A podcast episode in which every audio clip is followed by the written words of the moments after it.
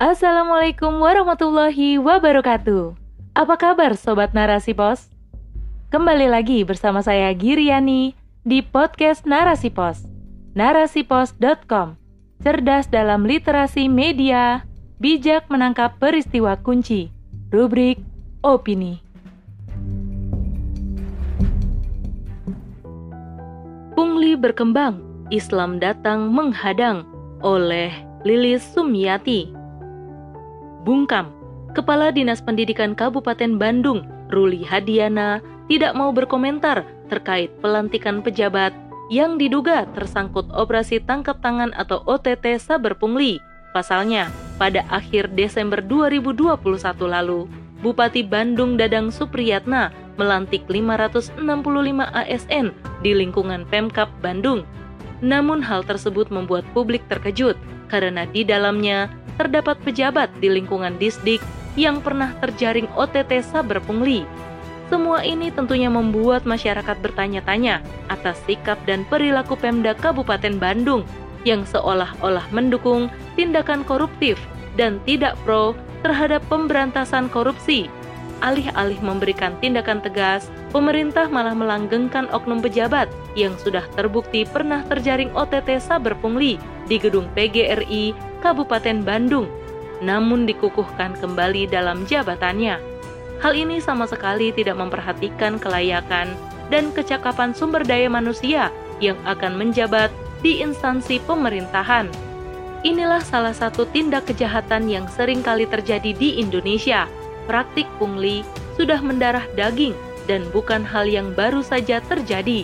Namun, ini merupakan masalah tahunan yang belum menemukan titik penyelesaiannya. Pungli memang sudah menjadi hal yang biasa, yang melekat pada masyarakat. Definisi sederhana pungli adalah permintaan uang dari seseorang, pejabat negara, ataupun pegawai negeri yang tidak sesuai dengan peraturan.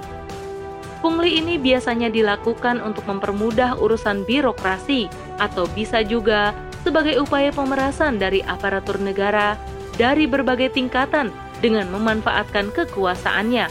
Menurut Menko Polhukam, Mahfud MD, pungli termasuk tindak pidana korupsi yang tidak merugikan keuangan negara, akan tetapi merugikan masyarakat. Jelas, itu merupakan jenis kejahatan yang harus segera dicarikan solusi.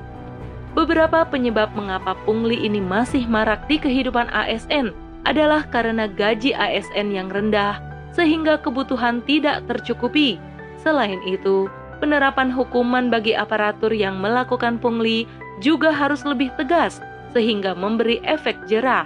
Sebaliknya, bagi aparatur yang telah bekerja dengan baik dan mematuhi aturan perundang-undangan yang berlaku harus diberi penghargaan.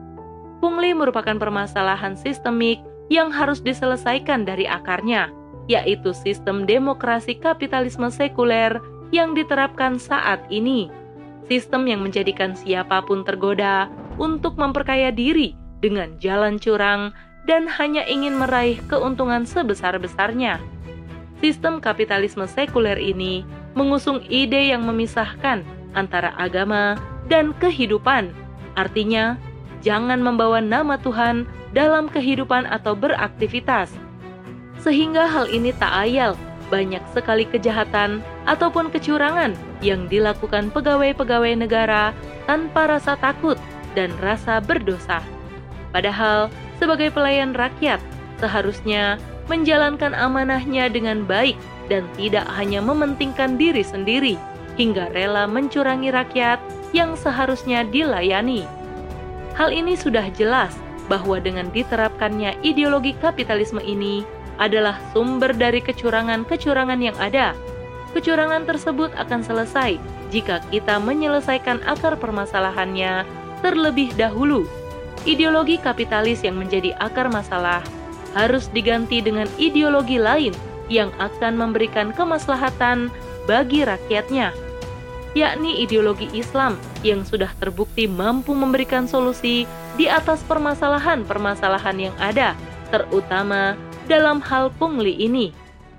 Islam memandang bahwa praktik pungli ini sebagai bentuk gulul yang merupakan harta tidak syar'i karena mengambil harta secara sembunyi-sembunyi atau bisa disebut sebagai korupsi. Pungli merupakan tindakan dosa dan sangat dilarang dalam Islam. Rasulullah Shallallahu Alaihi Wasallam bersabda, "Barang siapa di antara kalian yang kami tugaskan untuk suatu pekerjaan, lalu ia menyembunyikan dari kami sebatang jarum atau lebih dari itu, maka itu adalah gulul yang akan dibawa pada hari kiamat." Hadis riwayat Bukhari dan Muslim. Islam datang dengan menghadirkan seperangkat aturan yang sangat jelas untuk diterapkan. Dalam hal ini, Islam mampu menyelesaikan permasalahan terkait pungli ataupun korupsi.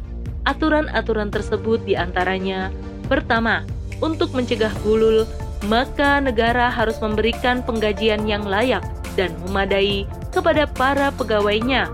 Dengan begitu, kebutuhan akan tercukupi sehingga tidak akan terpikir untuk melakukan korupsi karena kebutuhannya sudah terpenuhi. Kedua, negara akan menetapkan syarat adil dan takwa dalam pengangkatan pegawainya sebagai ketentuan selain syarat profesionalitas. Ketiga, negara akan melakukan perhitungan kekayaan pada pegawainya dihitung sejak awal pegawai itu bekerja. Maka, negara akan tahu jika ada penambahan-penambahan harta yang mencurigakan dan akan dilakukan pemeriksaan dan penindakan. Keempat, negara akan menetapkan hukuman yang setimpal. Pungli sama dengan korupsi. Hukumannya berupa takzir, mulai dari sanksi sosial, peringatan, perampasan seluruh harta hasil korupsi, pengasingan, kurungan penjara, cambuk, hingga hukuman mati.